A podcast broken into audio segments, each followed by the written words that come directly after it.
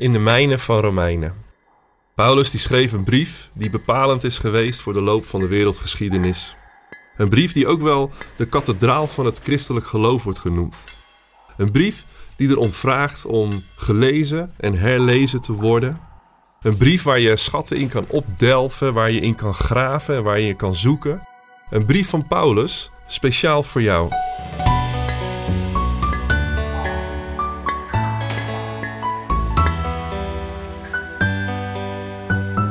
We gaan in deze podcast mijnen in Romeinen.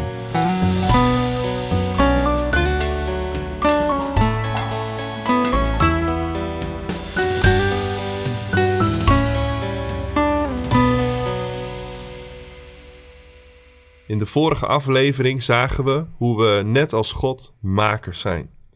Vandaag pakken we de draad op en lezen we uit het eerste hoofdstuk van Romeinen vanaf vers 24.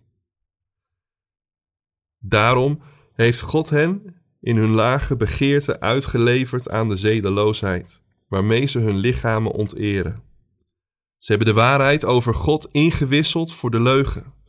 Ze eren en aanbidden het geschapene in plaats van de schepper. Die moet worden geprezen tot in eeuwigheid. Amen.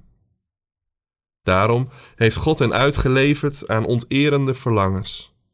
De vrouwen hebben de natuurlijke omgang verruild voor de tegennatuurlijke, en ook de mannen hebben de natuurlijke omgang met vrouwen losgelaten en zijn in hartstocht voor elkaar ontbrand.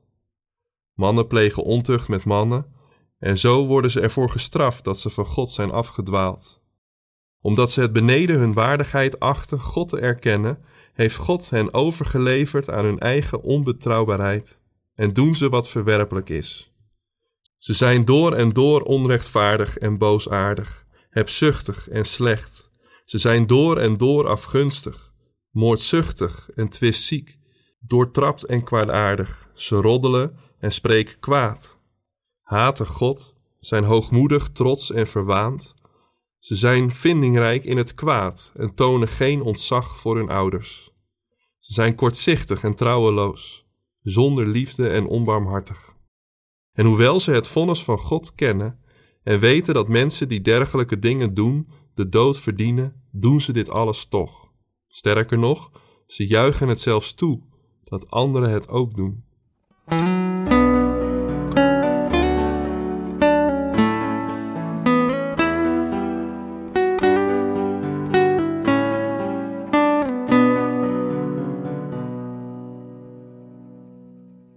Dat is nog eens je dag goed beginnen. Je zet een podcast aan voor wat bemoedigende, inspirerende gedachten, zodat je er weer tegenaan kan. En vervolgens krijg je een Paulinische tirade van acht versen over je heen over de zonde in de wereld. Ik kan me voorstellen dat dit nogal rauw op je dak valt. Paulus spreekt hier op een manier die we niet meer zo gewend zijn. Zeker in de wat meer evangelischere kringen is het uitgebreid benoemen van zonde geen algemene manier van doen. Ik merk het zelf ook. Ik merk ook dat ik moeite heb met zo'n lijstje, omdat het de gebrokenheid in de wereld zo groot maakt.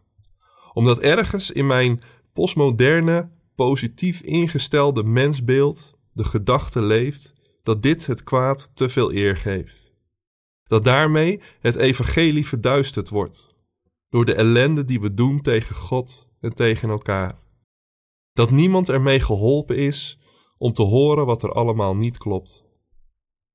En toch, als we niet willen afdalen in de diepte en de ernst van wat zonde is, zullen we ook niet begrijpen hoe groot en verstrekkend de genade van God is.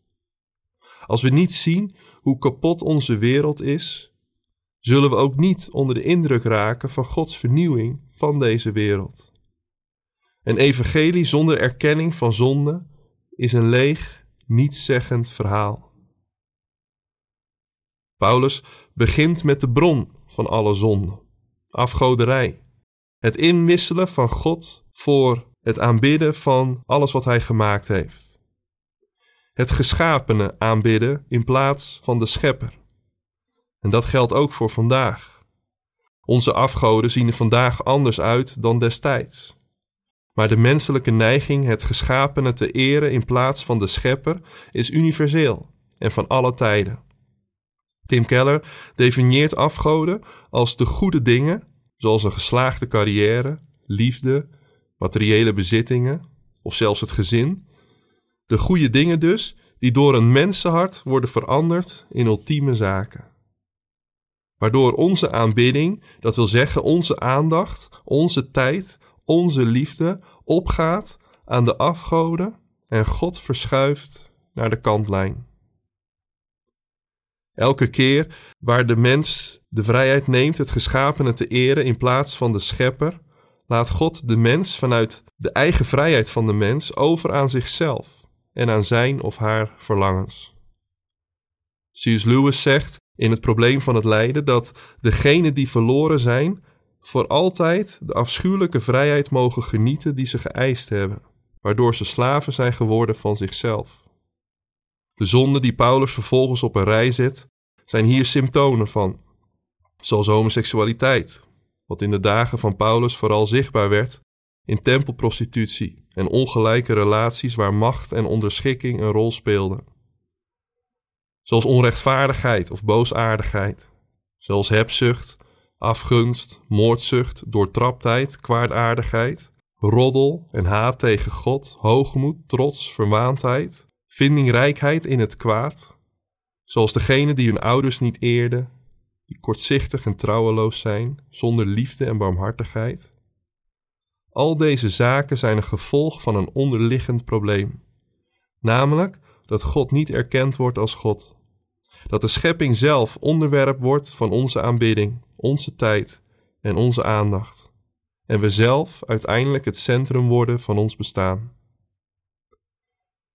Een manier om te zien in hoeverre de goede dingen die God gegeven heeft in jouw leven verworden zijn tot afgoden, is het stellen van de vraag waar jij in jouw leven buitensporig boos over kan worden.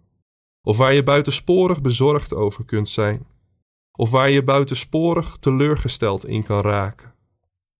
Als dat gebeurt in je bedrijf of in je relatie, of over je nieuwe auto of in de kerk, dan is de vraag relevant waar jouw aanbidding naartoe gaat. Alleen in de erkenning van wat er in je leven verkeerd gaat, kan de kracht van Gods genade zichtbaar worden. Dan zullen zelfs deze rauwe woorden van Paulus klinken als het beste nieuws wat je vandaag zult horen. Neem vandaag een moment om de Schepper te danken voor al het goede dat Hij geschapen heeft. En vraag eens iemand die dicht bij je staat of ze iets van buitensporige boosheid of teleurstelling of zorg in je leven zien. Ik wens je daarbij van harte God zegen toe.